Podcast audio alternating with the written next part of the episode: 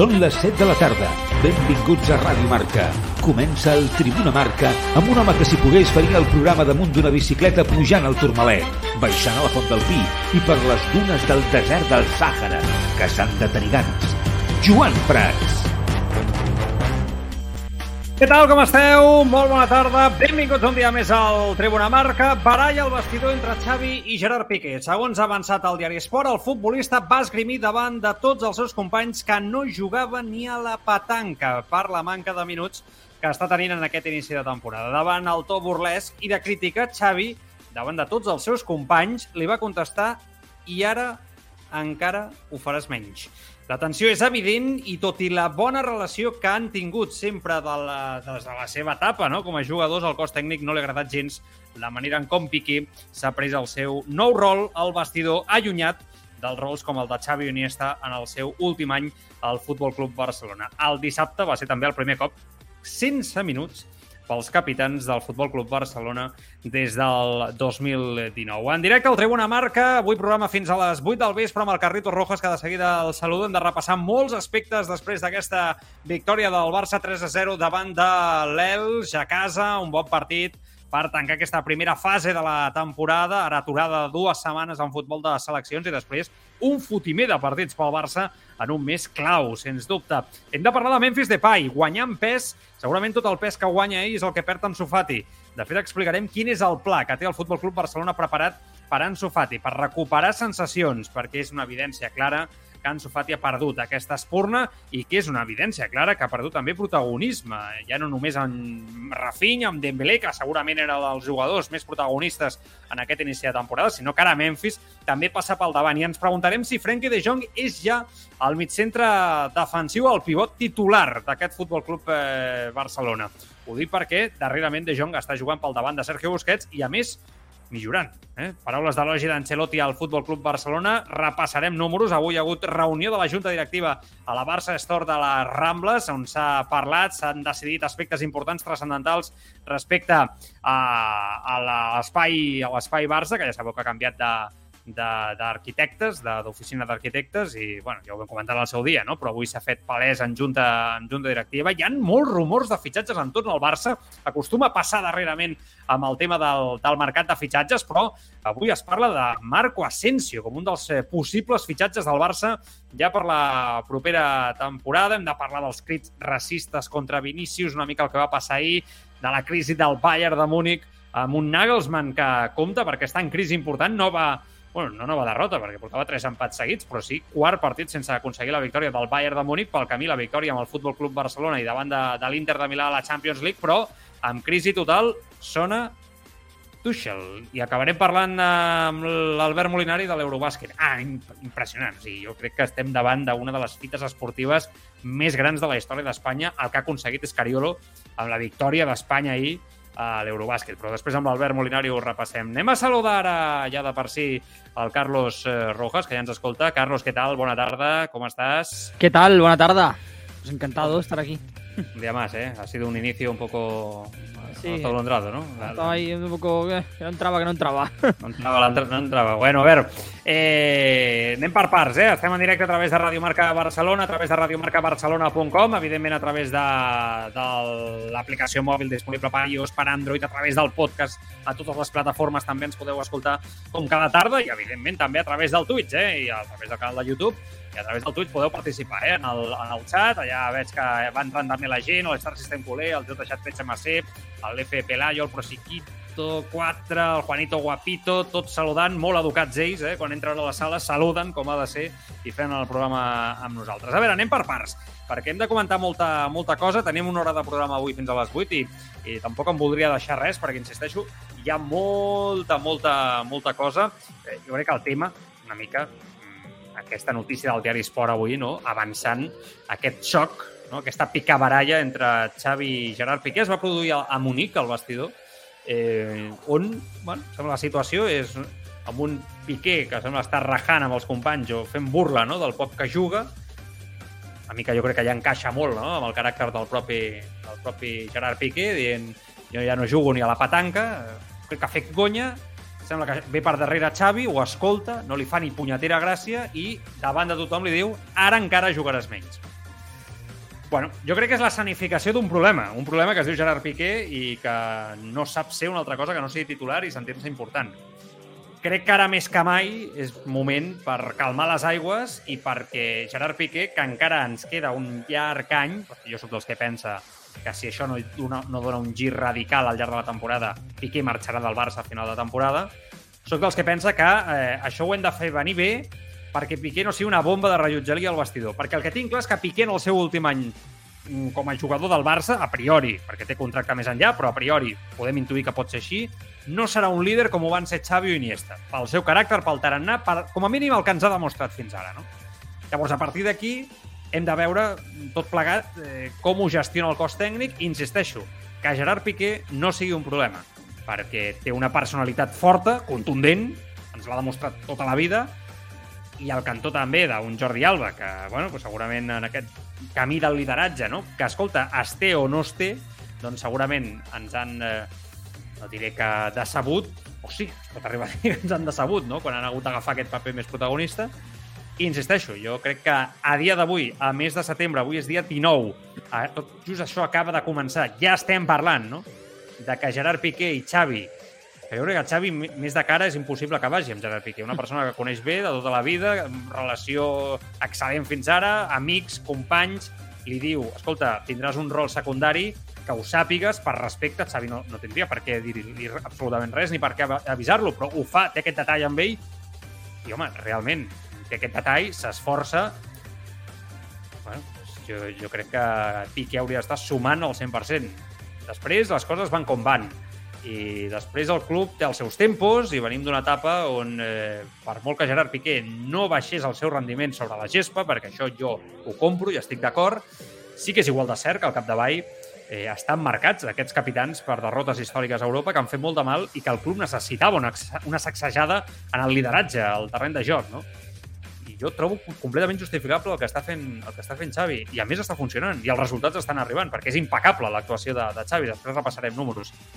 Però bueno, és la primera de les que crec jo que seran moltes. Estic esperant el dia després avui el que ens poden ensenyar, perquè sé que hi havia una càmera només enfocant a Jordi Alba, Busquets i Piqué, i algunes imatges que ja que he vist del dia després, dels companys de Movistar, com la Vanessa de Lucio, allà editant el, el, els vídeos, eh, ja m'han dit que les imatges són acollonants.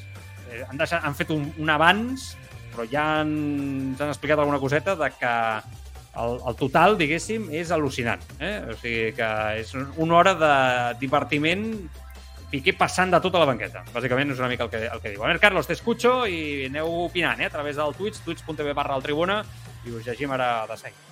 Yo, yo me acuerdo de Cesc Fábregas, ¿eh? hoy, de, que tampoco hace mucho, de la entrevista hace una semana, cuando explicaba lo complicado que era ser precisamente suplente ¿no? para jugadores de su talla, de la talla de Piqué, hay que decir también de Piqué que a pesar de que nadie niega su barcelonismo y de su compromiso con el club, que eso lo quiero decir de primeras, ¿no? Con el club institucionalmente Piqué, a mí siempre me ha parecido un jugador fiel, un barcelonista fiel, pero es verdad que como jugador ese ego de estrella, ¿no? lo ha tenido siempre, lo ha tenido siempre siendo titular. Imagínate cuando se encuentra en una situación inédita en la que él realmente, recordemos las palabras que decían Julio, creía nada yo llego a decir, pero se filtraron, ¿no? Que podía sentar al mejor central del mundo, que podía sentar a Koundé, que podía sentar a cualquiera que trajera al Barça. No está siendo así. Y en vez de hacer quizás esa introspección, ¿no? Entender que ya el club realmente no le quería, porque el club, el Barça no le Xavi no le quería, le estaba invitándose a irse. Él se ha pensado que era un farol, se ha pensado que realmente cuando acabara, cuando empezara la temporada y acabara todo el sarao previo, las cosas se pondrían en su lugar. Pero desde luego no son así. Y yo creo que no lo está digiriendo bien. Se esperaba que todo fuera diferente, pese a todo el run run que hubo durante el verano. Y no lo está digiriendo bien. Es una persona con muchísimo ego, Piqué, con muchísima lealtad al Barça, pero con muchísimo ego como profesional. Y creo que está quedando demostrado. Y ojo, estamos en septiembre, es que no hemos llegado ni a octubre. ¿eh? Te he dicho. Va a ser un problema para el Barça a la larga. ¿eh? A mí es lo que me preocupa. O sea, yo, yo entendiendo que el rol va a ser así, evidentemente Araujo está por delante, Koundé está jugando también muy bien, Christensen está jugando muy bien, Eric García también. O sea, a estos cuatro no hay que frenarlos. Jóvenes jugadores en su momento, en su prime. y que debe ser un recurso. Es que, claro, el problema de esto, que, que, que bueno, que, que, tengas a una...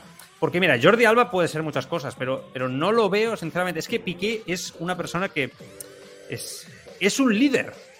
O sea, es un líder, pero no es el tipo de líder que necesita el, Barça, el Barcelona ahora mismo. ¿eh? O sea, fíjate que cómo, cómo, es la vida. O sea, ahora el Barça, como líderes, necesita eh, otro tipo de líder. O sea, algo como más Puyol, Iniesta, Xavi, ese perfil de persona, ¿no? Eh, él lidera de otra manera, ¿no? Y es verdad que, lidera siendo muy protagonista. Y ahora necesitas un líder que piense sobre todo en el colectivo, ¿no? No, no en la individualidad. Y, yo creo que por ahí es donde puede venir el problema, ¿no? Eh, sinceramente, me da pena porque no es fácil y porque, a ver, al, al final no dejamos de hablar. Por mucho que insisto, ¿eh? que en su última etapa eh, eh, esté marcado, igual que Jordi Alba, por buenas actuaciones sobre el terreno de juego, pero eh, muchas noticias negativas fuera de él, a nivel de, implicación, incluso a nivel de implicación con el club, de de, mucha mucho falta de liderazgo, como digo, respecto a los jóvenes, dar ese paso al frente. Bueno, no me voy, no, me voy a repetir al respecto, pero, però sí que és verdad que, que estamos hablando d'una leyenda del barcelonismo. O sea, és que hi ha pocs centrals a la història del Barça més importants que Gerard Piqué. És que estem parlant que és el central d'una de les etapes, si no la més, la millor de, de la història del Futbol Club Barcelona, no? amb l'etapa, com a mínim, moderna més gloriosa del club. I, i, i clar, veure aquest final no? tan deplorable amb un Xavi que li ha de dir, com si això fos la, el pati de l'escola, no? Encara jugaràs menys quan l'altre està fent broma, no? De no poner la... O sigui, ara el cos tècnic té un vestidor competitiu. Té un vestidor on les brometes hi ha bon rotllo, però aquí es ve treballar. Els jugadors passen tot el dia a la ciutat esportiva, mengen allà, estan allà... Bé, fantàstic, eh? fantàstic, però insisteixo, mmm, la broma està bé, però ara el teu rol és el d'implicació màxima, lideratge, i escolta, ara en parlarem, eh? però tens un cas com Memphis que el dia 30, el dia 1 de setembre està fora del club, s'acaba quedant i en 19 dies capgira la situació eh, a una situació on el jugador se sent protagonista, vol ser protagonista i el cos tècnic està valorant com està treballant. bueno, pues, si Piqué segurament es veiés, es veiés de la mateixa manera, no? des del cos tècnic segur que estic convençut, perquè just Xavi, el seu germà i companyia, doncs canviarien les coses. Bueno, eh, és l'inici del programa d'avui, 7 i 12 minuts de, de la tarda, però hi ha molta més cosa encara, eh? evidentment, evidentment.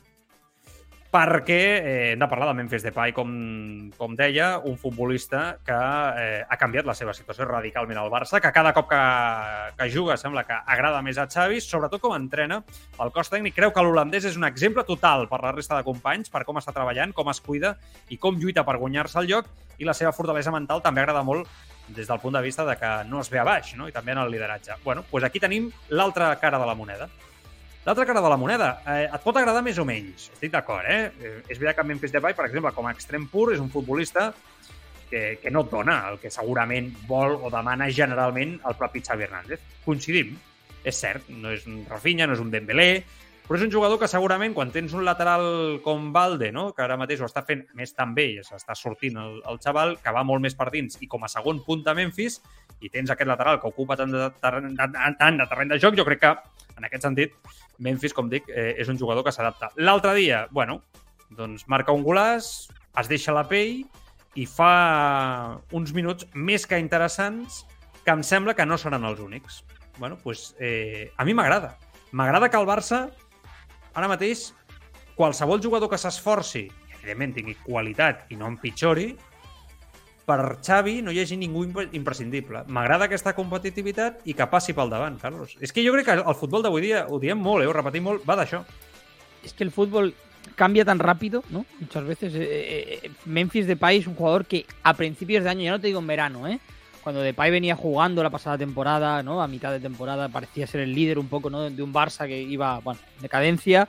Eh, Xavi cuando llega y, consigue que el equipo, ¿no? Se equilibre un poco, eh, ya no cuenta con él, ¿no? Y incluso este verano estaba claro que estaba fuera, pero el fútbol cambia rápido y al final saber adaptarte, saber aceptar que quizá una parte de tu juego es un problema para el equipo, por mucho que tú te creas que eres, eh, eh, has sido el líder el año pasado del equipo o que tienes potencial para ser titular en el equipo, que a lo mejor a veces no, no está en la propia realidad, ¿no? Pero bueno, mm. tú puedes tener tu idea. Si tú consigues tener la humildad para cambiarlo, ¿no? De aceptar un rol y a partir de aquí intentar remontarlo, yo no creo que Xavi odia a Memphis Depay personalmente. Yo no creo que, que no. No, que, pero, pero lo que se había dicho, no me gusta Memphis Depay, ¿no? Como no, claro, futbolista pero, se había digo, dicho. Pero si tú consigues ves, tener la, la, la humildad y la autocrítica, ¿no? Decir, mira, el entrenador no tiene nada contra de mí, realmente es Mm. una parte, yo ahora mismo no estoy aportando al juego lo que necesita, voy a intentar cambiar mi juego, a ver si consigo. Y, y Depay es verdad que ha sido muy insistente en seguir, que siempre ha sido reticente a salir totalmente, pero lo ha hecho por una buena causa, no por quedarse por un, por un contrato. De hecho, tampoco tenía un contratazo. Por tanto, yo creo que es el ejemplo a seguir. Ahora, tú decías, Piqué podría mirarse en Depay. Mm. Viendo la forma de ser de Piqué, a mí me cuesta creer que Piqué tenga Depay como referente en algo. O sea, yo creo que él lo verá en el vestuario y dirá, bueno. No, no, eso seguro que no, claro. no soy muy optimista con eso. No, no, seguro. Seguro que no, vamos, és que a aquestes altures de la pel·lícula... Jo, jo pateixo per, per uh, la mala maró que pugui generar aquesta situació, que insisteixo, estem parlant de Piqué, com, com canvien les coses, i sap greu, no?, parlar, parlar de Gerard Piqué en, en aquests termes, però bueno, la realitat actual. I, I pateixo una mica també pel seu final, perquè venim de, de Messi, que és un final trist i lamentable del Barça, veurem si l'any vinent torna, no, està fent molt bé Messi, eh? s'està sortint amb el Paris Saint-Germain, està mm, jugant molt millor que l'any passat. Sembla mentida que no estigui a la llista per la pilota d'or. Em sembla un insult a la intel·ligència humana. Però bueno, això ja són, són fiques d'un altre paner i avui, avui no toca, com diria aquell. Però, però sí que és veritat que ostres, eh, un final trist de Piqué, no? Eh, sortint per la porta del darrere amb tothom cremat en contra seu, el propi club, el propi cos tècnic, Ah, trist, no m'agradaria. Així com tinc clar que Busquets, encara que potser De Jong li acabi traient el joc, ara en parlarem, eh, sé que pel seu tarannà, pel seu rol... Escolta, vam parlar amb el... És igual, vam parlar amb l'entorn de Busquets fa un any, Carlos, eh, i sí. ja ens van dir, te'n recordes, que, que tenien assumit que, que Busquets en anava. O sigui, que no, ell, ell mateix assumia el seu rol i el seu final d'etapa en, en aquesta temporada que estem disputant, no? sense cap mena de problema i amb total normalitat. Acabo el contracte, m'aniré. I assumeixo que serà així i, i final de, de cicle en aquest sentit i d'etapa. Eh, ostres, eh, no sé si amb Jordi Alba i amb Piqué al final serà eh, molt dolorós, molt agressiu, molt desagradable, no? Una mala relació. Eh? Quan deixes sí, una però... relació de molts anys acabes malament o acabes amigablement, no? Doncs em sembla que en aquest cas serà el primer cas. Eh? Em sembla que acabarem malament. Ens farem mal, com va dir. Yo te, te he de decir que, que entre los tres, eh, el que creo que puede dar más problemas de ellos es Jordi Alba. Yo creo que Jordi Alba quizá es el jugador con eh, más ego de los tres. Fíjate que Piqué, digo ego futbolístico, porque Piqué, que le criticamos y decimos no la actitud, yo soy el primero, eh, yo creo que llegará un punto en la temporada en el que él va a realmente asumir lo que hay y dirá, mira, pues plego, como hizo la selección en su día, ¿no? Al final, que diga, esta es la situación y, y acabar aceptándolo. Pero Jordi Alba sí que me parece un jugador que ya en los últimos años viene con rachas de un mes muy buena de juego, racha de dos meses muy malas de juego. Y cuando esté en la racha de un mes muy buena de juego y se coma y coma un poco de banquillo, mm. si es que lo vuelve, lo vuelve a encadenar partidos, no le veo con esa, ¿no? Con esa humildad, a lo mejor, o, o, esa situación en la que él se acepte. Está muy asentado en el Barça. Puede ser lo que dices, pero después, cualquier valoración que hagamos tú y yo ahora mismo, se reduce a una cosa, a una cosa. Y es que Jordi Alba tiene a Alejandro Valde y a Marcos Alonso por delante. Y que Piqué tiene a Eric García, Araujo, Cundé eh, y a Christensen. O sea, es que al final hay una competencia feroz, cosa que no pasaba en los últimos años. Es que yo estoy convencido que este momento hubiera llegado antes. Estoy seguro que por la bajada de rendimiento que tuvieron ellos en algunos momentos y tramos puntuales en temporadas clave, donde eso ha costado Champions League, seguro que si hubiera habido una competencia mayor, uno, ellos no hubieran bajado seguramente el nivel tanto, porque se sentían intocables, y dos, seguramente se hubieran ido al banco mucho antes. el problema es que no había gente de recursos que mejorara lo que lo que ellos aportaven, no? Entonces, por eso, esto era un mossegava la cua i al final ens ha portat a, estirant més segurament aquest, aquesta etapa d'aquests jugadors més del que tocava no? Mm. en, en aquest aspecte. Bueno, i un últim punt, i llegeixo missatges de, del Twitch, una mica a relació de Memphis, el contrast, no? la, la situació de Memphis que sembla que està canviant el vestidor amb la d'Ansu Fati que sorprenentment va ser suplent de nou davant de, davant de l'Eix. Dic, dic que va ser sorprenentment suplent perquè a totes les traveses es parlava de que seria, de, que seria titular. L'entorn del jugador reconeix molta decepció per la situació que està patint en Sofati i també per quedar-se fora de la convocatòria per aquests partits d'Espanya, un fet que va sorprendre el jugador i a la seva família, fins al punt que tota la família tenia els vols comprats per acompanyar el jugador amb els partits d'Espanya. Imagina't la situació, no? Avui Mundo Deportivo explica fins i tot que el problema d'Ansu Fati és que no es mou en els seus paràmetres físics d'abans de la lesió als isquios, que gràcies a la eh, monorització del cos tècnic saben que aquests números estan per, per sota del jugador. Fati vol guanyar ritme, explosivitat, intensitat i per això s'ha fet un pla especial per ell per recuperar aquest Ansu Fati. Bueno, el que està clar, Carlos, és que ja reconeix obertament que Fati no és el mateix d'abans de la lesió, que no està movent els mateixos paràmetres, que aquestes sensacions que podíem tenir alguns veient els partits, de que li faltava potser un punt d'explosivitat, no? Que jo deia l'altre dia, jo tampoc ho veig tan, tan evident, però molts oients aquí m'ho deien, me'n recordo que, que ho vam comentar al xat, no? que deien, ostres, és que Joan no és el mateix, està jugant d'una altra manera bueno, pues aquí es confirma, no? Ja comencen a sortir les mateixes informacions de que el cos tècnic té dades, té dades clares, no? que indiquen que Ansu Fati no està del, del tot fi i que per això no està tenint tant protagonisme i suposo que això es tradueix en converses entre Luis Enrique i Xavi, que Luis Enrique també doncs, intueix alguna cosa, veu alguna cosa i a partir d'aquí no el convoca. Ara, el que m'estranya és que Ansu Fati i tota la seva família es pensessin que anava convocat Carlos amb Espanya i que ningú li digués o avisés de que potser no aniria aquesta convocatòria o aquesta conversa més... Mm, els jugadors especials jo crec que tots els seleccionadors les tenen, no? Una conversa més fluida, no? una conversa més normal, més habitual, i que s'emportessin al pal, no? em sembla, I a més el pal públic també de Luis Enrique en roda de premsa. Ah, desagradable. Sí, sobre, sobre todo porque la convocatoria de junio, ¿no? eh, aquella que nos sorprendió todo, junio-mayo, no recuerdo, eh, pues eso sorprendió mucho, mucho, ¿no? O sea, fue una apuesta personal de, de Luis Enrique y no, no, y ya a lo mejor él viendo la tendencia, ¿no? Se imaginaría que estaría. Y más mm. en, la, en, el último parón previo a preparar el Mundial, sabiendo que Luis Enrique durante este tiempo le ha mimado, le ha dicho tú tranquilo, recupérate. Mm pero es cierto que, que, a mí me sorprende ¿no? que, que Ansu Fati estuviera tan seguro y más si está viendo que en este inicio le está costando está, jugar. Está claro. Lo que igual plantea un debate, ¿no? que es, ¿realmente Xavi tiene ese plan especial con Ansu Fati o es que Ansu Fati le está costando realmente entrar y hay otros que le están pasando por delante? Sinceramente, a mí me da la sensación que tal como trabaja este cuerpo técnico y me consta, eh, tienen planes para todos, individualizados. Es muy heavy, Carlos, en ese aspecto. ¿eh? Sí, sí, no, no, no lo dudo, pero quiero decir que, que quizá, vaya, eh, Xavi en algún punto de la pretemporada, mm. inicio de temporada, ha dicho, bueno, pues oye, Ansu Fati ya está más o menos recuperado, pero ahora mismo no me está rindiendo como yo quiero, voy a poner a que me está rindiendo, ¿no? Que son Lewandowski, que son Dembélé... No, si tienes datos aún más. claro, si tienes datos que te dicen, ostras, ha perdido explosividad, no sé, no, no sé no sé los números, cómo funcionan los datos que, ellos eh, estudian, ¿no? Pero si antes tenía 80 y ahora tiene 60, ¿no? Es un dato claro, ¿no? Pues ahí mm. más claro el agua, ¿no? Como se dice.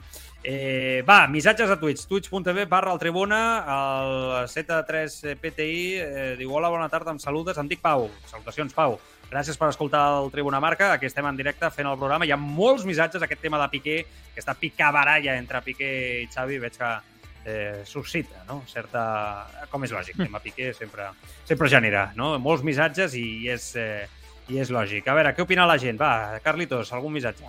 Vamos a leer algunos mensajes. Por ejemplo, Iván78PG que dice: Si se va Piqué, entonces puede volver Messi. Digo puede y retirarse aquí. I un poco uniendo una ah, cosa no. con la otra. Aquest missatge va en la línia de, de, del que s'ha comentat en l'entorn del Barça, de la mala relació entre, entre mm. el propi Messi sí, sí. i Piqué, no? per aquelles paraules que sembla que Piqué li va dir al president Laporta donant suport a la sortida de Messi, ¿no? Eh, Estaría bien que Messi dijera, vende, vende a Piqué. No sé, pero viendo a este Messi jugando a este nivel, eh, vamos, mm, es difícil es difícil que si hay alguna posibilidad de que venga, ¿no? Eh, no luchar para que lo haga. O sea, cualquier entrenador querría que este Messi, que está jugando como está jugando este año en el PSG, estuviera en su equipo. Vamos, es que me parece que está recuperando su mejor versión. Después de un año muy complicado. Luego, Marlenders 200 sobre el, sobre el tema nos decía Piqué festa un costat y luego añadía Piqué va dir que només dormia 5 horas al día. Como un, como un deportista poc dormir tampoco. Uh quizás son un poco también un tema, ¿no? Venga, ritmo, Carlos, ritmo, dale ritmo ahí. Iván78PG nos decía, y que haría un paso al lado, le responde Marlendes, vamos, no se lo creía ni él. Piqué impidió que Delict fichara por el Barça. Otro tema curioso, que en un tal viaje a las Bahamas me parece. Luego, DJ George nos decía, futbolísticamente me parece que debería ser el segundo central del equipo. Pero todo esto no es futbolísticamente, es por muchas cosas que suceden dentro y no nos enteramos. a, lo cual, eh, F. Pelayo les decía, estoy de acuerdo con que Piqué sea suplente, pero tampoco le hemos visto jugar esta temporada para decir que está acabado.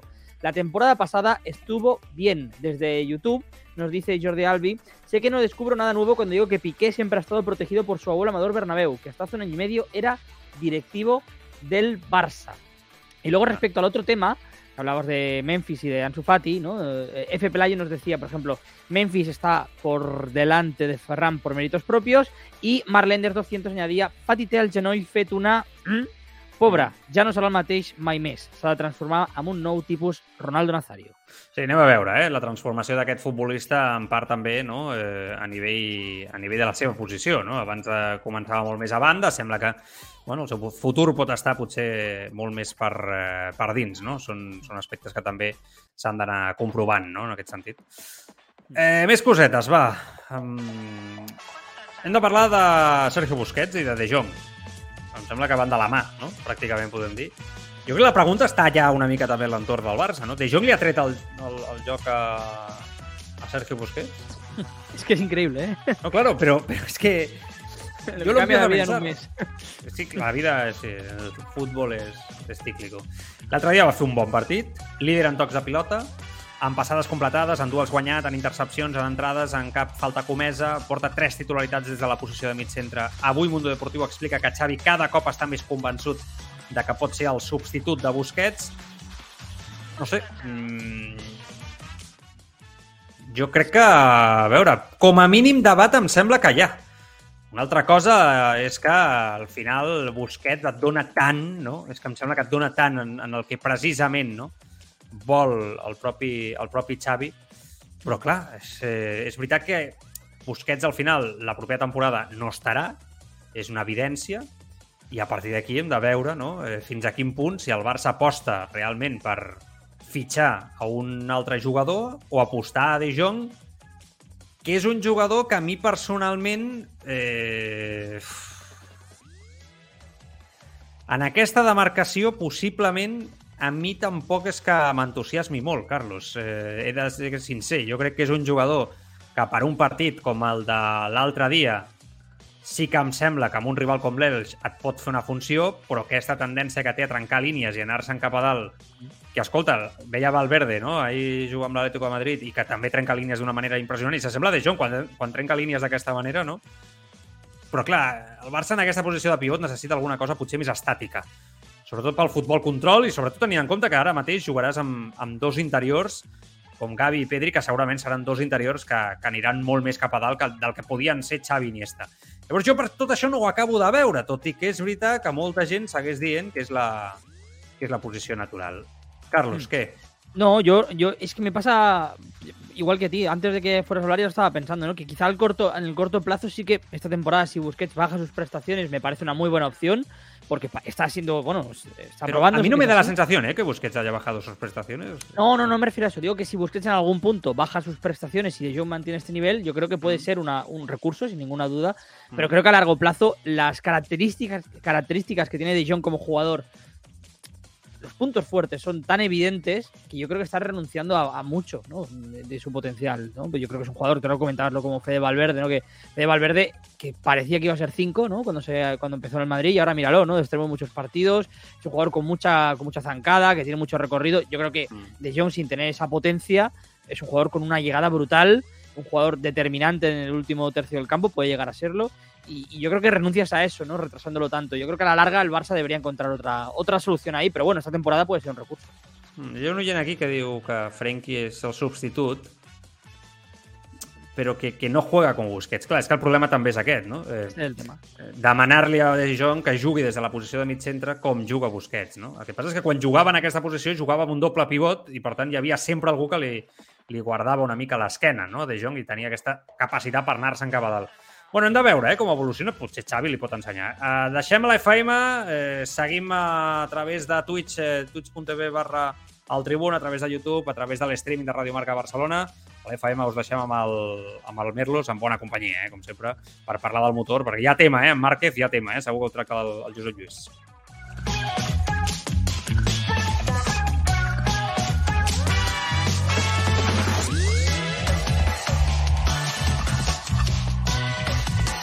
Vale, doncs el que, el que estàvem dient, eh, bàsicament. No sé, eh, a veure què opina la gent, ara després ho comentem. Sí que és veritat que a mi, personalment, m'agradaria que el Barça es reforcés amb un perfil potser més estàtic. Eh? Amb... Ho dic pel risc, que... perquè jo, jo crec que això va també de, de, de veure com acaba la temporada i com es desenvolupa al llarg de la temporada. De Jong ha començat bé, jo crec que és, eh, és evident, però també és cert que, que això va de, de veure com evoluciona, de veure quants partits juga De Jong en aquesta posició, si Xavi l'utilitza en els partits importants o no, no? eh, i el posa en aquesta posició en els partits grans, que jo això ho vull veure, de moment em sembla que no passarà, i després vull veure si el Barça incorpora un altre perfil. I, per exemple, Nico, a mi em sembla que s'adapta millor a aquesta posició de l'estil Barça, em sembla. Sí, pero claro, también el, el, el eh, Nico es un jugador que tiene mucho recorrido ¿eh? en cuanto a crecimiento como jugador. Yo lo quiero ver más esta temporada. Eh, creo que está en un club siempre complicado, ¿no? Eh, pero bueno, en el que si las cosas salen bien, ¿no? Había, no había empezado mal el Valencia, no ha empezado mal la temporada, eh, pues puede ir creciendo y a partir de aquí veremos si tiene el potencial. Yo tengo un interrogante todavía con Nico, no lo tengo tan claro que vaya a ser perfil Barça, ¿eh? 100%. Es, es una, para mí es un melón por abrir totalmente y yo creo que a la larga, si él no, si él no es Nico, es el único perfil ahora mismo que se me ocurre en la casa, el Barça va a tener que recurrir al mercado, insisto. A la larga, yo creo que De Jong no, para esa posición solo puede ser un recurso, pero no la prioridad. És que Nico, eh, Nico González, eh, home, jo, és veritat que, que va començar potser no? sent eh, més protagonista del que està sent no? amb, amb Gattuso al, al València, eh, això també també és cert, però bueno, va tenir minuts en tots els, eh, en tots els partits, davant del Getafe, per exemple, va marcar, va marcar un gol, o sigui, ho va fer, ho va fer prou bé. Yo creo que el Astra el partido contra el Rayo, ¿no? Que hizo aquel... Sí, sí, sí, correcto. Ese partido muy malo. Eh, eh, ahí sale titular, ¿no? Precisamente. Sale, Sí. sale titular, juega 56, 60 minutos más o menos. Eh, sí que és veritat que, que en aquest cas amb Nico, ell ho diu, que l'únic any que, que ell, la seva posició és, és jugar d'interior, és jugar de, de mig centre, que el, el Barça és quan van començar a utilitzar en algun moment com a interior una mica més avançat, però que ell sempre havia jugat en aquesta posició de pivot sense cap mena de problema. Ho dic perquè, no sé, a mi, a mi personalment em genera menys dubtes, però insisteixo, vull veure aquesta evolució, aquest creixement de Frenkie de Jong, que és evident. O sigui, jo sóc el primer que diu que està més entonat aquesta temporada, que guarda més la posició i que ho està fent prou bé. Va ser l'altre dia el, ju- el jugador que més pilotes va recuperar. Això no és casualitat, no? Quan normalment és Sergio Busquets el jugador que ho fa, no? des d'aquesta posició. Per tant, em sembla interessant que De Jong comparteixi una estadística molt purista de la posició de pivot. El Barça funciona, jo crec que és evident, més enllà de la derrota davant del Bayern de Múnich de l'altre dia, que ja vam explicar, jo crec que la nota és molt positiva. Hi han dades espectaculars al respecte que parlen d'aquest Barça de Xavi que ha començat molt bé la temporada, l'equip més golejador de la Lliga, el menys golejat, té el pitxitx actual, el millor porter, amb Xavi sent el millor entrenador d'Europa fora de casa, entre totes les lligues, i el que més victòries porta juntament amb Klopp en aquest eh, 2022. I amb un Liverpool bueno, una mica inestable, que en qualsevol moment potser eh, Xavi el pot superar en aquesta, en aquesta estadística. Jo crec que és una evidència. I fins i tot Carlo Ancelotti, ja jo, a aquest Barça de Xavi muy bien, nosotros estamos haciendo muy bien. El Atlético, que es un otro candidato, no ha empezado bien como nosotros, ma yo creo que esta es una temporada muy, muy extraña. No se sabe lo que puede pasar después del Mundial. Eh, lo, que, lo que ha pasado al Atlético en este periodo puede pasar a nosotros o al Barcelona más adelante. Por cierto, va a ser una liga más competida que la del año pasado. Esto es una cosa de dos, posiblemente, visto lo visto, pero yo creo que se le entiende todo, ¿no? Es evidente que ha visto claro que hay rival. Y esto es lo que se le tiene que pedir. Oye, el Madrid, muy bien. ¿eh? Es un equipo que se está cimentando de maravilla, está poniendo las bases también con gente joven, haciendo un cambio de ciclo sin ser agresivo, algo que normalmente no pasa en los equipos grandes. Es un gran, gran, gran rival, un gran Madrid. Pero es que los dos los veo a un nivel muy grandes, en, situaciones diferentes, pero Ancelotti, que es un hombre que yo respeto y que ya sabes tú que como entrenador me parece genial, de siempre lo he dicho, yo creo que es consciente que este Barça está para pelear la liga. Seguramente Europa aún le viene grande, de momento, vamos a ver cómo está en el mes de febrero o marzo, pero a día de hoy yo creo que ya nadie duda eh, en este primer parón, ¿no? Que se sacan conclusiones y análisis, Carlos, de que Barça está preparado para luchar ya con este Madrid, aun con la distancia que hubo el año pasado, solo hace tres meses de ello, ¿verdad? Sí, totalmente. Yo creo que el Barça al final lo importante es que se ha recolocado, ¿no? Es que estaba, es un equipo que estaba muy perdido en cuanto a no, no solo por rendimiento actual, sino porque había mucha incertidumbre. Ya cuando antes de que se fuera Messi, qué iba a pasar, cómo se iba a dar ese relevo. Eh, Al final ha tenido que ser de forma agresiva, que tú comentabas, pero parece que las piezas se han encajado muy bien. Xavi lo ha tenido muy claro, se ha trabajado muy bien desde la Secretaría Técnica y de momento, pues el ambiente, yo creo que eh, aquel ambiente que, que hubo también, incluso, ¿no? Enrarecido a final de temporada del Barça, ha desaparecido totalmente hay rival para la liga. Yo creo que va a ser una liga preciosa. Va a ser una liga, me parece que de muchos puntos. No va a ser los de 95, 100 puntos de antes. Sobre todo porque que- el Atlético no está, ¿no? Eh, especialmente por ello. Pero esas ligas de principio de década pasada, ¿eh? de, ¿no? de Guardiola Mourinho, que se iba a los 98, 99 puntos, yo creo que no va a ser, pero va a estar en los 93, 94 fácilmente, ¿no? Y, y eso va a obligar a Barça y Madrid a, vamos, a no bajar el, el pistón, a saber mm. rotar cosa que el Madrid, Ancelotti, Ancelotti por ejemplo ha aprendido, ¿no? El Madrid de su primera etapa respecto a ese Madrid y ambos además tienen un fondo de, armario brutal. Es que ya no solo es el once titular, es que son muchos jugadores de banquillo, antes comentábamos los que no están jugando en el Barça, que pueden tener su pieza ¿no? y, su, y su papel clave a partir de febrero cuando las piernas se empiecen a pesar. Por cierto, que este, este chico, Suamení, la verdad es que tiene muy buena pinta. ¿eh? Es muy bueno. S'ha de reconèixer... Després en parlarem del tema del racisme i tal amb Vinícius o l'Atlético de Madrid. Ahir, uh, em sembla que l'Atlético de Madrid queda clar que l'etapa Cholo Simeone és veritat que afirmar que arriba al seu punt i final quan cada any amb l'Atlético de Madrid estem de la mateixa manera, no? a inicis de temporada, però sí que és veritat que denota ja una tensió... Jo crec que ara mateix, ostres, aquest, aquesta, aquest aficionat sempre constant, no?, de que donava suport en sí com no, no? El Xolo Simeone, em sembla que ara ja això ja no és així, no? Em fa la sensació, fa aquesta impressió a mi, eh, personalment. Mm -hmm. Però després, és veritat que el Madrid, aquest Chouameni, ostres, em sembla un jugador a tenir que... molt en compte. Eh? Estem veient les estadístiques en, en pantalla el, ara mateix al, al Twitch. Em sembla que, que és un jugador que no només té la fortalesa per tapar, sinó que té una última passada extraordinària amb el físic, no? que és, que és eh, bueno, el que diem dels jugadors moderns d'avui dia en el migcampisme, no? que, que ha sigut un fitxatge bo. I jo tenia dubtes, eh? perquè mai saps com et pot sortir un fitxatge tan car, tan jove, però de moment em sembla que és un gran fitxatge. Eh? Y, y, precisamente ahora que comentabas lo de la transición dulce ¿no? que ha hecho el Madrid, quizá es la pieza más agresiva tanto en llegadas como en salidas, porque la, ¿no? cuando se va a Casemiro hace un mes ya nadie se acuerda de Casemiro en el Madrid y no era fácil suplir a Casemiro, no, era fácil jugar siendo tan joven y costar 100 millones y lo está haciendo muy bien. Eh, es un poco donde Madrid podía dudar, pero ahora parece, como queda mucha temporada, que el movimiento de dejar salir a Casemiro por 70 millones, fichar a Chouameni joven por casi 100, vamos, es una jugada maestra en Madrid. Mm.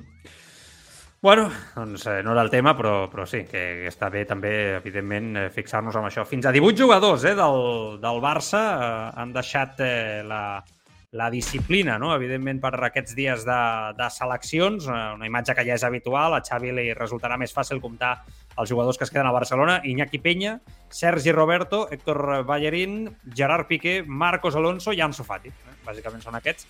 Durant aquesta finestra trucada per la FIFA a les seleccions, els combinats europeus jugaran partits corresponents a la Lliga de Nacions, tot i que al rerefons hi ha la preparació, evidentment, del Mundial de Qatar, que es disputa del 20 de novembre al 22 de desembre. És que això és ja! És que, és, Carlos, queden, és que queda nada ja. Dos meses. Dos meses, és que dos meses queden.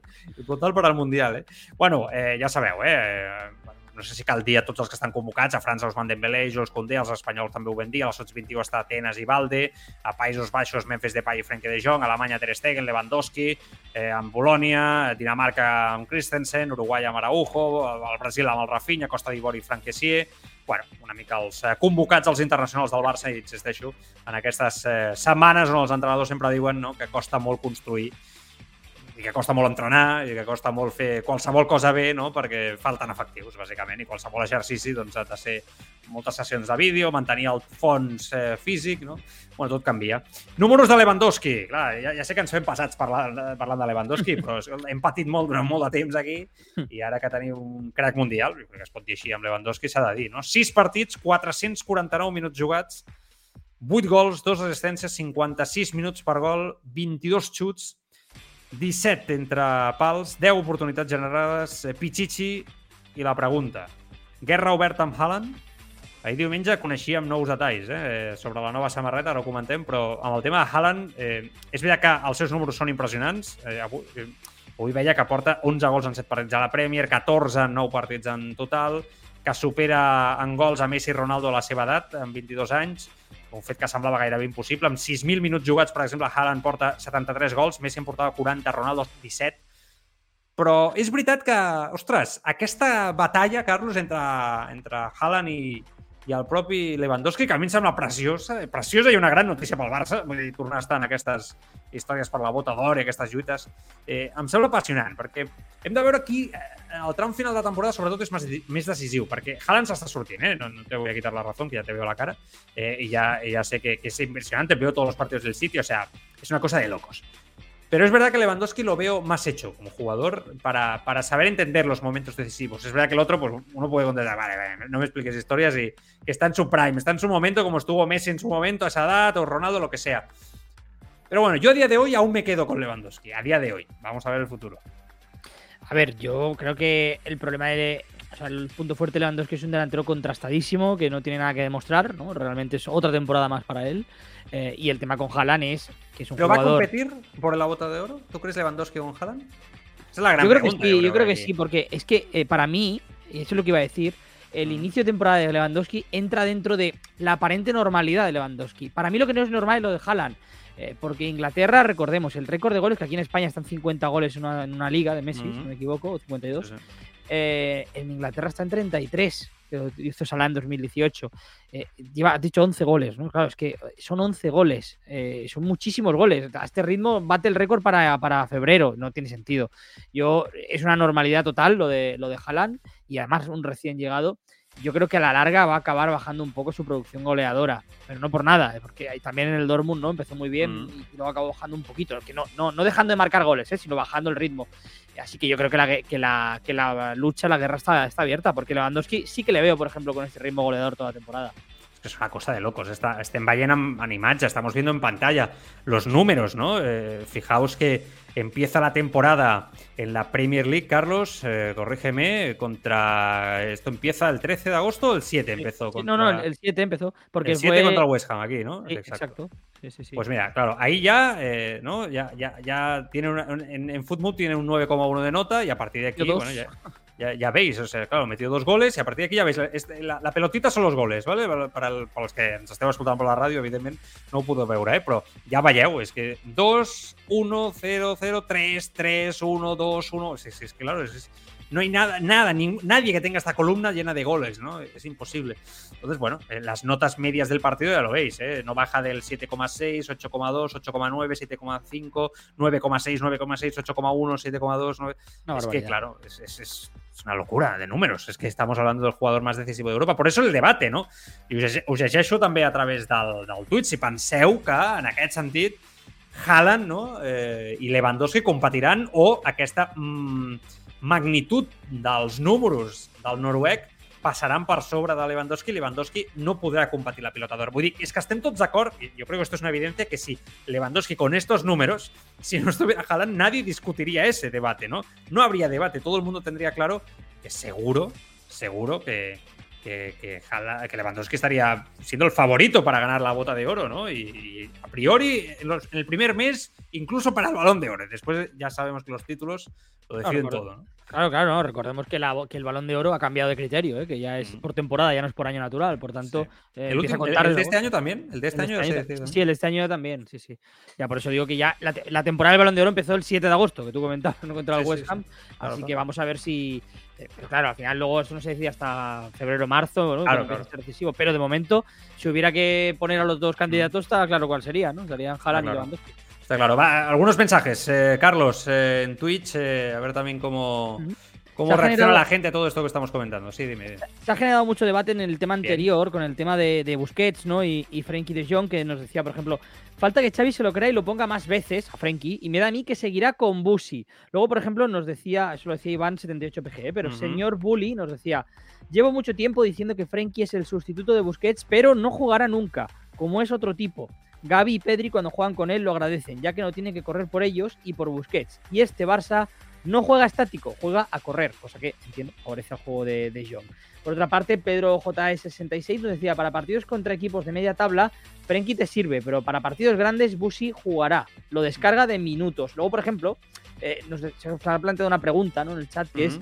¿y cuál sería el mediocentro y defensivo ideal para el Barça en el mercado, en caso de que no funcionara ¿no? Eh, Frenkie? Pues decían algunos, como por ejemplo, sin duda Rodri, que decía hasta el sistema culé, o el Ese propio el. Antoine Brabant, que decía Jorginho, o el propio Nico, y Ese fue el fallo. Sí. Y acaba matizando. Méndez meterá con calzador a Rubén Neves. Hmm. Ojo Neves, ¿eh? Me gusta. También lo he espiado y lo he analizado, ¿eh? Jugando en la Premier. Y... ¿Qué? A mí el problema de Neves es que el desplazamiento en largo me cuesta un poco más. Mm, vale, pero no pasa nada. O sea, tampoco es que Busquets se pase todo el partido haciendo cambios de orientación del juego. O sea, de hecho, en los últimos años ha arriesgado mucho menos en ello. Pero ¿sabes qué me gusta de este jugador? Su capacidad de liderazgo. O sea, me gusta mucho lo líder que es en el terreno de juego. O sea, lo, capitán que es ¿no? del Wolverhampton en este aspecto. Me, cuadra mucho, ¿eh? de verdad, en esta posición. Aunque yo ficharía a Kanté, no me quiero hacer pesado. Que es un jugador que puede jugar al interior, puede jugar atrás, te va a tapar, te va. Es que es verdad, yo, yo de verdad lo he visto jugando de todo. De todo. El tema de Kanté es la lesión, ¿eh? que tuvo tan larga que desde ahí no ha acabado de ser el mismo, esa lesión. ¿eh? Yo creo que ahí esos informes acabarían pesando en contra es verdad eso, ¿eh? Aunque también te digo una cosa, para mí Jorginho no me parece un jugador, un jugador tan decisivo eh, y, creo que tendríamos el mismo problema con De Jong, un jugador que tiene tendencia mucho también a, salir, a romper su posición, no a guardar. En cambio este Neves sí que lo veo que, guarda muy bien, ¿eh? que o sea, sí que es verdad que este sí que es un jugador que, Sí, que quizás estoy obsesionado ¿eh? con esto, eh, eh, insisto, pero. A mí me gusta. No, a mí también me gusta. Es que lo que no quiero es que, es que el Barça apueste por un tipo de jugador que en el sistema que quiere instalar a Xavi acabe generando un problema en el centro del campo. porque Busquets quizá ha bajado el rendimiento del Busquets de hace seis años o siete, ¿vale? Pero, pero es verdad que es un jugador muy sólido en lo que le pide Xavi, ¿no? Y lo, y lo, pilla, y lo pilla perfectamente y va muy bien porque conoce incluso las carencias de Gaby Pedri por su juventud y, tapa mucho. Entonces, lo que no quiero caer es en, el, gran fichaje, apostar una gran cantidad de dinero a un gran fichaje en esa posición y que después sea una complicación enorme, ¿no? Eh, entonces ahí, ahí, va, y ahí vamos. Por cierto, Casemiro estaba pensando ahora, no ha jugado nada en el United, ¿no? Ahora con el parón de la Premier y tal, el hombre eh, no ha jugado de titular aún, ¿no? Ha jugado, ha jugado muy poco, sí. De momento está costando, le está costando entrar. También es verdad que lo que tú has dicho, ¿eh? hay, equipos que llevan que van a jugar un partido en todo el mes de septiembre con todo este carga de partidos. Por ejemplo, el Liverpool no jugó ni el día ese fin de semana ni este fin de semana, ¿no? Es cosa de locos. Tienes razón. Bueno, eh, ràpid, coses. Paraules de Jules Koundé a l'equip. Diu que ha vingut a un club gegant com el Barça i que no creu que el projecte estigui en reconstrucció i sí per guanyar ja. Optimista Koundé, ambiciós. A més, diu que va preferir el discurs de Xavi sobre el coneixement que tenia d'ell que la conversa que va tenir amb Tuchel per fitxar pel, pel Barça y además que reitera otra vez que quiere jugar de central, que por eso ha venido la cuarta vez o tercera vez que lo dice en una entrevista, queda claro, pero bueno, que de momento la situación es la que es y a mí me parece el mejor lateral ahora mismo que puede tener el Barça. Pero bueno, dicho esto, eh, el tema de Xavi, quiero hacer una reivindicación aquí, porque se está hablando mucho, yo lo puse en, tweet, en un tuit que se ha hecho muy viral, ¿no? El entorno Barça diciendo que, oye, el trabajo de Xavi es extraordinario, más allá de los números que acabamos de repasar, pero es que yo creo que va mucho más allá, o sea, no, solamente es numérico, no solamente es futbolístico, Xavi ha revolucionado en menos de un año el club, a nivel de trabajo interno en el equipo, yo creo que también, a nivel de ambiente, a nivel de liderazgo, a nivel de tomar decisiones serias, a nivel de ambición, porque ha apretado a Mateo Alemany, a Joan Laporta y a Jordi Cruyff al máximo para que vinieran jugadores de, primerísimo nivel, y también yo, yo, esto lo considero básico en, el convencer a jugadores. O sea, es que estamos hablando que seguramente sin él Lewandowski y Koundé no hubieran fichado por el Barça. No, no, sí, sí, Es que me parece que la trascendencia y el cambio de Xavi ¿no? que ha tenido y la trascendencia que ha tenido su persona en este cambio en el Barça es impresionante. O sea, y hay gente que aún incluso dice, bueno, con esta plantilla, Kuman. hostia, tío, pero ¿qué os pasa? O sea, ¿realmente vamos a comparar a Kuman con Xavi Hernández? O sea, es que no, ahora, ahora gana porque, porque ha habido dinero, tal. Kuman no tuvo inversión y tal. Pero si Kuman, independientemente de la inversión, a nivel de decisión, a nivel de gestión de vestuario, a nivel de estilo futbolístico, iba, iba volcán por semana, Carlos, ¿te acuerdas? Pero que Kuman quería a Wijnaldum, recordemos, ¿eh? Era el fichaje de Kuman. A nivel de idea futbolístico están en las antípodas. Pero claro, tú puedes respetar que haya gente que le guste el estilo de juego de Kuman. pero, claro, yo no estoy tan seguro que Kuman con estos jugadores hubiera ganado. Solamente por el ambiente, por la manera, etcétera, ¿no? a mí puedes discutir perfectamente el prestigio de Kuman como entrenador. Kuman no ha hecho nada como entrenador. O sea, es que eh, si Kuman fuera un entrenador que ha ganado en todos lados, pero en Barcelona no entendería, ¿no? igual aquí no funciona, pero es que no ha ganado en ningún lado. Eh, solo lo mejor ha sido con Holanda, ¿no? Que ha sabido gestionar eh, eso y ahora yo creo que hasta le va mejor a Holanda. Pero bueno, en cualquier caso está claro que Xavi ha hecho un trabajo enorme. Y hay un detalle que siempre nos vamos a quedar con las ganas de saber, ¿no, Joan? Que es el de Haaland si el dinero hubiera estado ahí en abril, ¿habría pesado más eh, lo de Xavi o, lo del City? Es que yo creo que hay algo raro ahí eh, con esto de Haaland, porque a mí me parece que, hay mucho de. Esto de que haya firmado por dos años con cláusula a la tercera, hay mucho de padre, ¿no? Que conoce el club, de, guiarlo con la juventud, ¿no? De decir, oye, pásate dos años en la Premier, ya tendrás tiempo para ir a la presión que supone Barça o Madrid en su momento. Yo creo que más allá de Xavi hay mucho de eso, me parece, ¿eh? me da la sensación a mí. Evidentemente no sé si, el Barça Yo creo que si Madrid y Barça hubieran ido a muerte, a muerte por él, hubieran tenido el dinero para ir a muerte, yo creo que habría, estaría jugando en Madrid o Barça, ojalá. Uno estaba pendiente de Mbappé y el otro no tenía la pasta. Eso, está claro, ¿no? Entonces ese, debate está ahí. Bueno, a ver, cosas. Eh, bueno, rumores de fichajes, más allá, bueno, hay un rumor. Pues, yo, yo flipo eh, también con estas cosas que salen, pero, pero están ahí, ¿no? Eh, bueno, hoy ha salido en Mundo Deportivo. La verdad es que a mí no me consta y, me sorprendería mucho, la verdad. es que el, el Barça está atento, ¿no? a la figura de, Marco Asensio. Es verdad que es suplente, último año del contrato, pero vamos, a mí me, me chirría Carlos por todas partes. Bueno, más allá de que su agente es Jorge Méndez, y que por ahí, pues no sé, si puede haber ahí alguna, alguna opción. Pero... No tiene hueco en el Barça. Es que Marco Asensio ahora mismo es, es que no tiene hueco en el Madrid ni en el Barça. Ese sería un poco el titular, ¿no? Exacto. Yo no, lo veo. Creo que es un jugador que tiene que dar claramente un paso atrás en su carrera, ¿no? Se ha quedado estancado y necesita ser titular y ser importante en algún sitio, ¿no? Poder demostrar, ¿no? Que, es un jugador con el potencial que parece que tenía, con el techo que parecía que tenía. Ahora mismo el Barça no le puede garantizar 15 partidos titular, ¿no? Como, como estrella. Yo creo que lo que necesita Asensio, ¿no? A lo mejor luego puede encontrar un equipo, no sé, como, la Roma, ¿no? Un equipo como el Tottenham, un equipo un paso más atrás. Eh, pero el Barça. A mí me gusta, ¿eh? Tú lo sabes, que yo lo he dicho. A mí nunca me ha gustado, ¿eh, Asensio?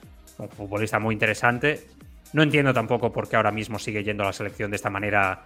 Eh, bueno. ¿no? Da la sensación un poco, ¿no? De, que es una de esas obsesiones que a veces coge Luis Enrique, ¿no? Con, jugadores y que este, pues bueno, le, encaja. Eh, lo que pasa es que, bueno, vamos a ver, ¿no? Porque también es verdad que pueden haber bajas, es un jugador que se adapta bien al centro del campo, que juega bien arriba sobre todo. Eh, bueno, conoce y yo creo que siempre fue un anhelo del Barça ficharlo. De hecho, se escapó por una mala operación en su momento y bueno, vamos a ver, esto es muy largo. Yo diría que a día de hoy no, no me, acabo de, no me acaba de encajar el rumor de Marco Asensio al Barça, pero no, no descartaría que en un momento determinado, quizá con Méndez por el medio y con tanta operación abierta con Méndez y Laporta y esa buena relación, a ver, yo todo lo que sea fichar a jugadores como agentes libres, mm, insisto que me da siempre esa sensación de que es trabajo bien hecho por parte de una secretaría técnica o una dirección deportiva. Yo lo he dicho siempre. Sí, sí, pero a mí me cuesta creer que Xavi diga Asensio. Y más con la es un jugador que le puede gustar, ¿eh? por, su perfil futbolístico. Le puede gustar perfectamente, pero yo, pero yo creo que los fichajes que ha hecho el Barça ya le tapan. Si no hubiera fichado el Barça algunos jugadores, ¿no? como Rafinha, si no estuviera tan lleno de, atacantes ahora mismo, mm. igual le puede encajar, pero bueno, creo que bueno, lo que puede tapar sobre todo sería Bernardo Silva. Sí, sí, pero vamos, yo si atrás no lo, no lo, veo, ¿eh? Un poco. No, pero que si viniera Marco Asensio, no, juega más arriba, sí, eso es verdad. Bueno, avui reunió de la Junta Directiva de la Barça Store de les Rambles per decidir sobre l'espai Barça, que ja sabeu que darrerament ha canviat de despatx eh, d'arquitectes no obrirem de nou aquest meló, eh, han estat allà reunits.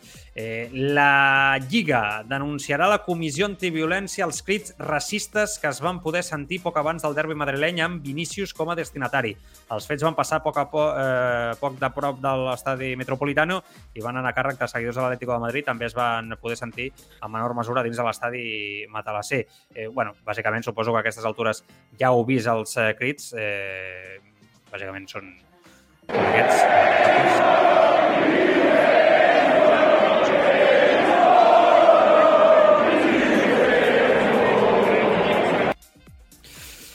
¿Qué? Pues nada, que se persiga, pero ya no solo eso, el lanzamiento Hay un problema aquí, ¿eh? Es que ya, todo lo que hubo ayer en el, en el Civitas Metropolitano, eh, me parece, vamos, o sea, yo creo que, es de otra época, realmente, ¿no? Ayer se volvió a ver en un campo de fútbol después de cuántos años una botella de alcohol vacía, tirada, ¿no?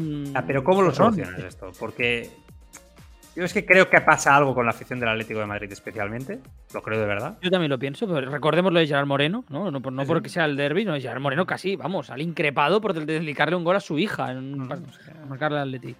Pero ¿cómo lo solucionas, Carlos? Es que no sé. Tiene que ser un castigo ejemplar. A ver, el club tiene que poner mucho su parte. Aquí el presidente del Madrid y el presidente del Barça en otra época, el del Barça, mm. hicieron lo que tenían que hacer con el grupo Ultra. Sí, pero yo es que creo que este problema. no lo ha hecho eso.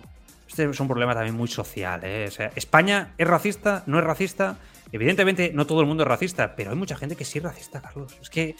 Es que, sí, yo no lo dudo, pero. El fútbol es un reflejo de la sociedad. bueno, yo creo que esto... Yo no creo que. Yo, te digo una cosa, yo creo que en otro estadio habríamos visto gritos y, situaciones desagradables, ¿eh? Y yo no es mm. por ir en contra del Atlético de Madrid como club, sino Lo, lo, que está pasando en su afición en los últimos mm. años yo creo que el, club de España con peor, con mayores problemas ahora mismo a la hora de controlar sus aficiones es el Atlético de Madrid. Y aquí, si el club no hace nada, la liga tiene que imponer una sanción ejemplar. Yo creo, yo creo que lo que vimos ayer fue vergonzoso para, para la liga como producto. Tiene que haber algo a la altura. No se puede soportar de ninguna de las maneras. Bueno, anem a, anem a canviar de tema i ens anem, ens anem a posar més alegres, eh? perquè tinc per aquí ja l'Albert Molinari, que ja ens escolta i ens veu eh? a través de, de la pantalla. Albert, què passa, crac? Com estàs? Hola, bona tarda. Molt bé. Bueno, eh, t'hem trucat així d'urgència avui perquè, clar, ets l'home bàsquet d'aquesta casa, d'aquest programa, i, clar, jo encara estic eh, recuperant-me de tot el que he vist en aquest Eurobàsquet. Eh, fixa que me'n recordo que vam parlar tu i jo, estava el Pau Olivia mm. per sobre, te recordes? Així una mica sí. perquè ningú donava res per aquesta Espanya d'Escariolo, més enllà de futur, construir, anem a veure fins on arriba, bueno, la realitat és que Escariolo... Jo centro, centro, ara parlem d'altres jugadors, eh, però ho centralitzo molt en la seva persona perquè em sembla que realment és el capità, no? I és la persona que fa que es creguin que poden guanyar, però és que estem parlant d'una plantilla és que no vull dir-los de suplents, perquè és que no són suplents, és que em sembla que ara mateix ja són una selecció que han d'estar en, les properes, eh, en els propers combinats, no? perquè han demostrat que poden lluitar de tu a tu. Però, però ostres, bueno, de, com a mínim abans del torneig, de segones espases, ho direm així, no? i han guanyat i han derrotat de grandíssimes seleccions com ahir França amb una solvència espectacular. No sé, Albert, estic sorprès, sincerament. Estic molt sorprès i molt content alhora. Bé, eh, és per estar molt content, eh, això és el primer, eh, i és lògic estar sorprès. Eh, no ens hem de rasgar les vestidures ni hem de faltar el respecte a ningú eh, comentar que Espanya mm. tenia una selecció bueno, entre les 8 millors, però no entre les 6 millors, amb la qual yeah. eh, només el sol fet d'estar a semifinals ja era un excel·lent premi i guanyar-les i jugar a la final ja era fora de tota lògica del moment i ser campió de l'europeu és una fita històrica. Jo m'atreviria a posar, sense eh, caure massa en, en l'error, de que aquesta selecció espanyola està al mateix nivell que va estar el TDK campió de Lliga en el seu moment, el 98 jo crec que el TDK va superar tres camps en contra, eh, contra equips mm. deu vegades més potents i va ser campió d'una de les millors lligues d'Europa com és la, la Lliga. Mm. En aquest cas, la selecció espanyola fet el mateix. Sí que és veritat que ha tingut eh, certa sort, entre cometes, mm. Mm. de que ha pogut estalviar-se els grans cocos fins a arribar ja. a la final. Amb tots els respectes. Ara bé, dit això, també és de justícia dir que anàvem en contra contra Alemanya a semifinals, precisament Alemanya havia eliminat a Grècia, precisament Alemanya era eh, la local, eh, amb una selecció forta que ha acabat sent bronze, i on allà sí que es va tenir que demostrar eh, tot el potencial que es tenia. Eh, a França la final és una final, Escariol ha guanyat els sis partits que ha jugat contra Colet, eh, ojalà siguin 10, i les vegades que ens hem de trobar, i sí que és veritat que Lituània vam tenir que patir amb, amb una pròrroga. Mm.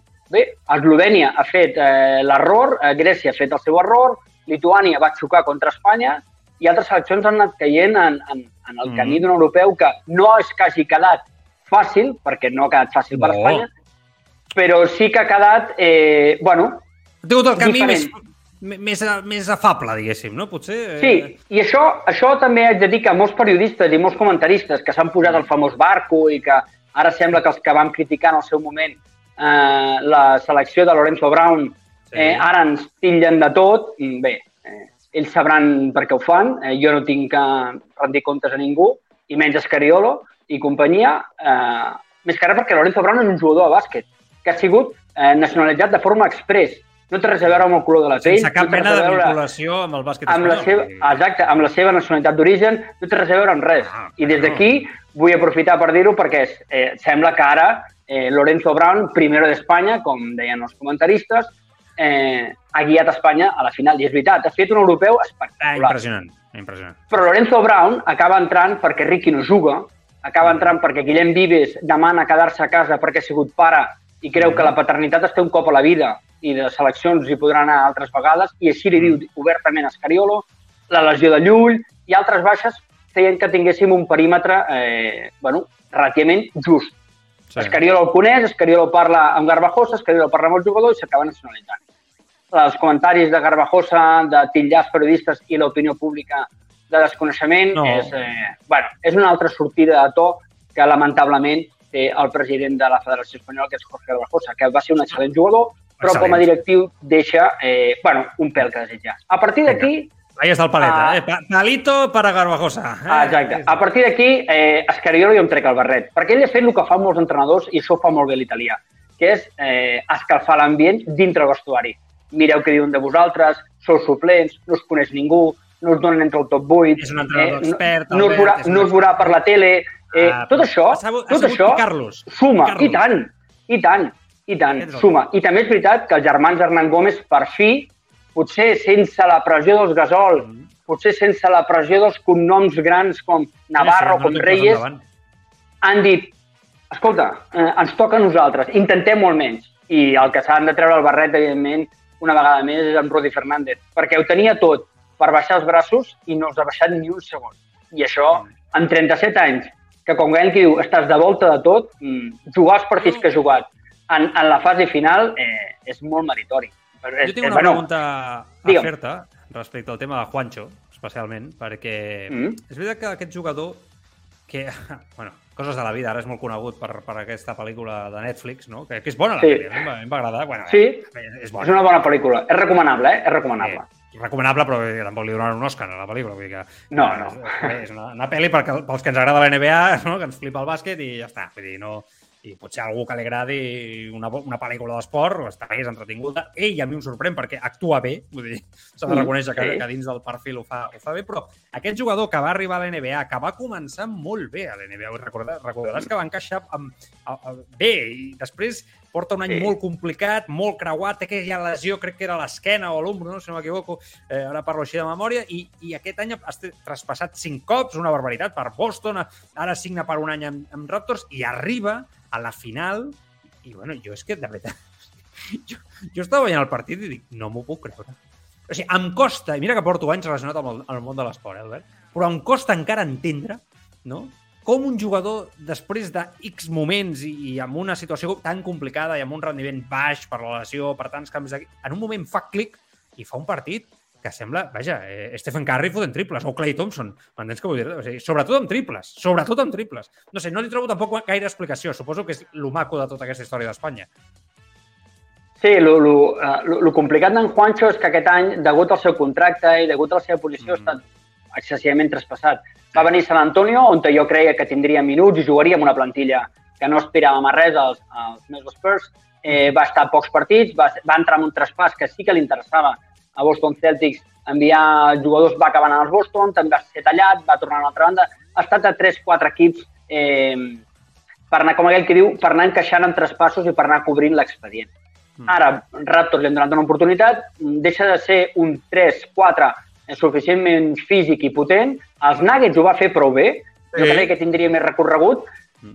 però és veritat que els Nuggets ara tenen la posició molt ben coberta amb Porter Jr., eh, amb Aaron Gordon, i potser hem pensat que més val alliberar fitxes i diners amb altres jugadors que amb Juancho. Esperem que a Toronto trobi estabilitat. És un jugador que aquí a Europa seria molt bo. O sigui, el Madrid l'ha sondejat moltíssimes vegades mm. i em consta que tenia un paper a la taula que si no anava a l'NBA firmava i venia. O sigui, em Clar. consta des de les fonts de Madrid que ho tenia coll avall. Clar. Clar. Bé, li ha entrat l'opció NBA i segurament es quedarà a NBA, ho tornarà a intentar, sí. és relativament jove. Bon joc a Toronto. I, Sí, i complirà l'expedient de quasi de complir. Mm. Eh, L'encert de triples, bé, eh, hi ha dies com el Pichi Alonso amb un futbol va fer un hat-trick eh. i ens sorprenia tantíssim i dèiem no pot ser que hagi fet tres gols al mateix però partit. Però és que tampoc eh... és un tirador... Ahir veia no, estadístiques, no. vaig estar repassant estadístiques i dic, ostres, però, però tampoc és un... Mai havia tingut no. aquesta estadística en cap partit. No, estar no, no, no, no. Total, eh? És un 3-4, un 4 obert que sí que té bona mà per llançar, però no és un jugador habitual de rotació que diguis no el trec perquè... Per, per un... Exacte, el trec perquè m'anoti dos, tres triples no, perquè sé que té bona mà. Mm, no, no era la seva màxima especialitat. Era bastant complet amb altres coses, eh, també tenia bona mà, però un partit que t'enxufés 3-4 triples, no. I 7 de 9, eh, això, no, això ho somies, però no ho fas mai. és impressionant, sobretot, perquè jo crec que és el que escenifica el que ha aconseguit Escariolo. Vull dir, la sí. confiança dels seus jugadors... És això, eh? Vull dir, un jugador amb problemes, que arriba amb dubtes, eh, tot el que, que acabem d'explicar, arriba a la final i, bueno, fa el que fa, no? Pues, bueno, jo crec que és el que ha aconseguit Escariolo. Una última pregunta, Albert, i eh, no et molestem més. Tindrà continuïtat aquesta selecció espanyola? Vull dir, aquest grup de jugadors o lo fàcil, no? Que quan arribin les que fins ara eren les primeres espasses passaran pel davant de segons quins jugadors? Jo crec que aquesta és la gran pregunta i amaga un punt d'injustícia barra justícia, depèn de com ho miris en el futur. Jo crec que Escariolo té molt clar que té 20 jugadors i que portarà els millors que tingui en cada moment. També hem de recordar o hem d'esperar a pensar que eh, Sergio Rodríguez no estarà a la selecció, no. que Rudi Fernández és molt probable que hagi dit adeu, d'aquí les llàgrimes que sí, omplien el, el pavelló. Eh, ojalà tots es retiressin com s'ha retirat Rudi, que no ho ha dit, eh, però que don per fet que ho farà. Marc Gasol ja no hi és, Pau Gasol no hi és, Navarro no hi és. És a dir, de vella Ricky. guàrdia o, o d'això, l'únic que podria venir, exacte, l'únic que podria venir és Ricky. I tinc els meus dubtes de sí. com es troba físicament i com vaig sí. a la NBA. Però bueno, sí. tens Ricky, vale? et podràs carregar, entre cometes, algun base. Jaime Fernández, el més probable que acabi sortint oh. eh, del d'allò. Bé, molt bé, estic d'acord. Però el 75% d'aquesta plantilla que estem veient serà la pròxima en els pròxims 3-4 anys. Perquè dubto que entri Vaca, dubto que entri Mirotic... Mirotic, sobretot, eh, no? Mirotic, dubto dir. que el que sí que falta, que segurament hi serà si es troba bé físicament, és Alberto Valde, que ha sigut una baixa sí. molt important. Home, és que és d'aquesta eh, generació.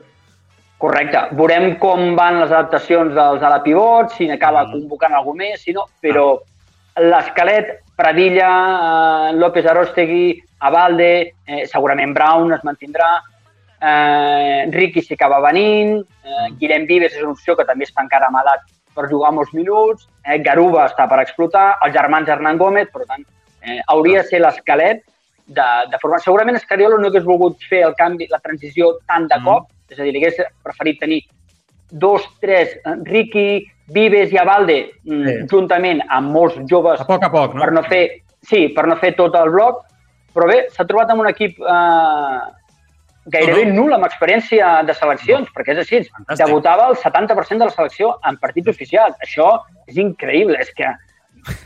Sí, sí. No és per faltar el respecte, però jo ho deia, dic, Espanya, si arriba a quarts, Bé. Podem estar fins demà flipant i un any sencer, perquè és que, o sigui, és tan heavy. Que estadístiques entens, jo vull mirar, eh? De tot, de tot que, que et deixen flipant. De tot. Bueno.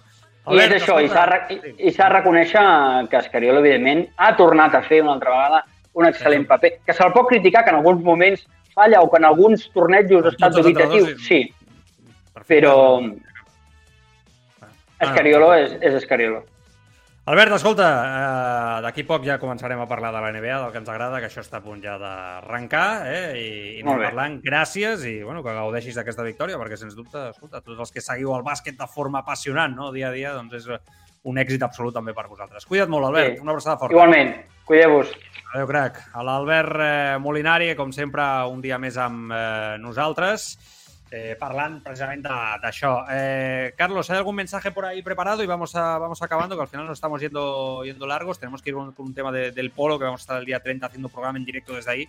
Ahora, ahora lo explicamos. ¿Algún mensaje que quieras destacar, Carlitos? Sí, mira, alguno, por ejemplo, del, del tema que, con el que hemos acabado antes de pasar al Eurobasket, ¿no? que es el tema del, del racismo, eh, que, nos, que nos comentaba, por ejemplo, Palala 777. Parece mentira que se tenga que explicar esto. A Piqué ya no le silbaban hasta que se dio bombo en la tele.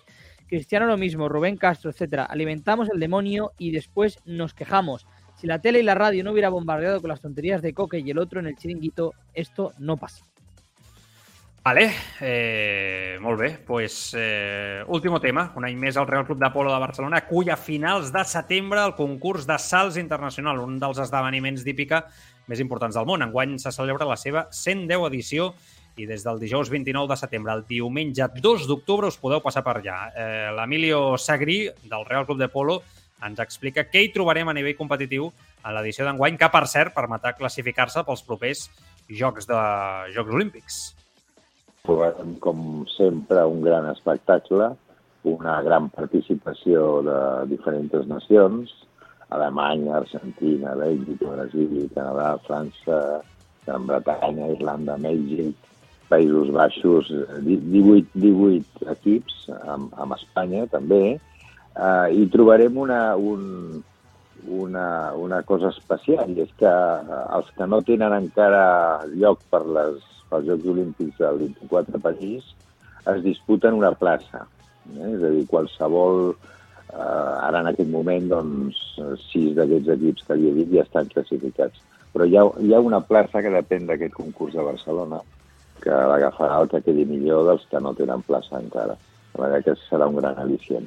I després, doncs, batre els Països Baixos, que són els, els guanyadors de la de l'anterior edició. Ja sap vostè, com ha dit, és un, un espectacle, un, un esdeveniment esportiu, és el més important del món des del punt de vista de l'ètica, està dotat amb dos milions d'euros de premis, i a part d'això, doncs, ja sap vostè que és una festa al Club de Polo i esperem que tots els ciutadans que, que vulguin vinguin perquè gaudiran molt. Un sagrí que també ens ha explicat com són els obstacles perquè saltin els cavalls i que es fa un concurs per dissenyar-ne un que representi la ciutat de Barcelona.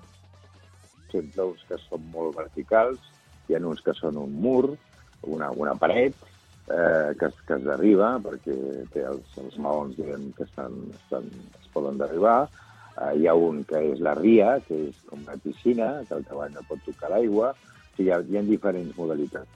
Ja sap que nosaltres sempre fem un concurs entre entitats de, de disseny i aquest any, doncs, eh, que és un concurs per, per dissenyar un obstacle, un motiu barceloní, no? I aquest any doncs, ha guanyat un que és molt maco, que és la Rosa el Llibre, la festa de Sant Jordi. Llavors ens agrada molt que, que vegin doncs, l'obstacle del Passeig de Gràcia, l'obstacle de la seva de família, l'obstacle de l'Skyline de Barcelona, del metro... Molt bé, doncs eh, dia 30, nosaltres estem fent el programa divendres aquest, no, el següent, des del Polo, eh, allà doncs, eh, es fa aquest eh, meravellós concurs i un any més estarem fent el programa en directe des d'allà.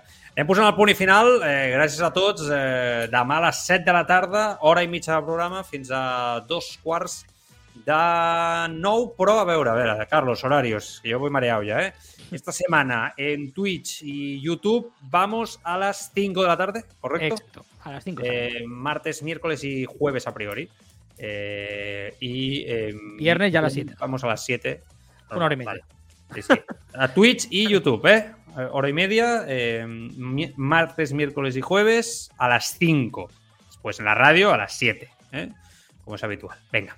Carritos, cuídate mucho, ¿eh? Un abrazo, que vaya muy bien. Venga, hasta mañana a todos. Seguim.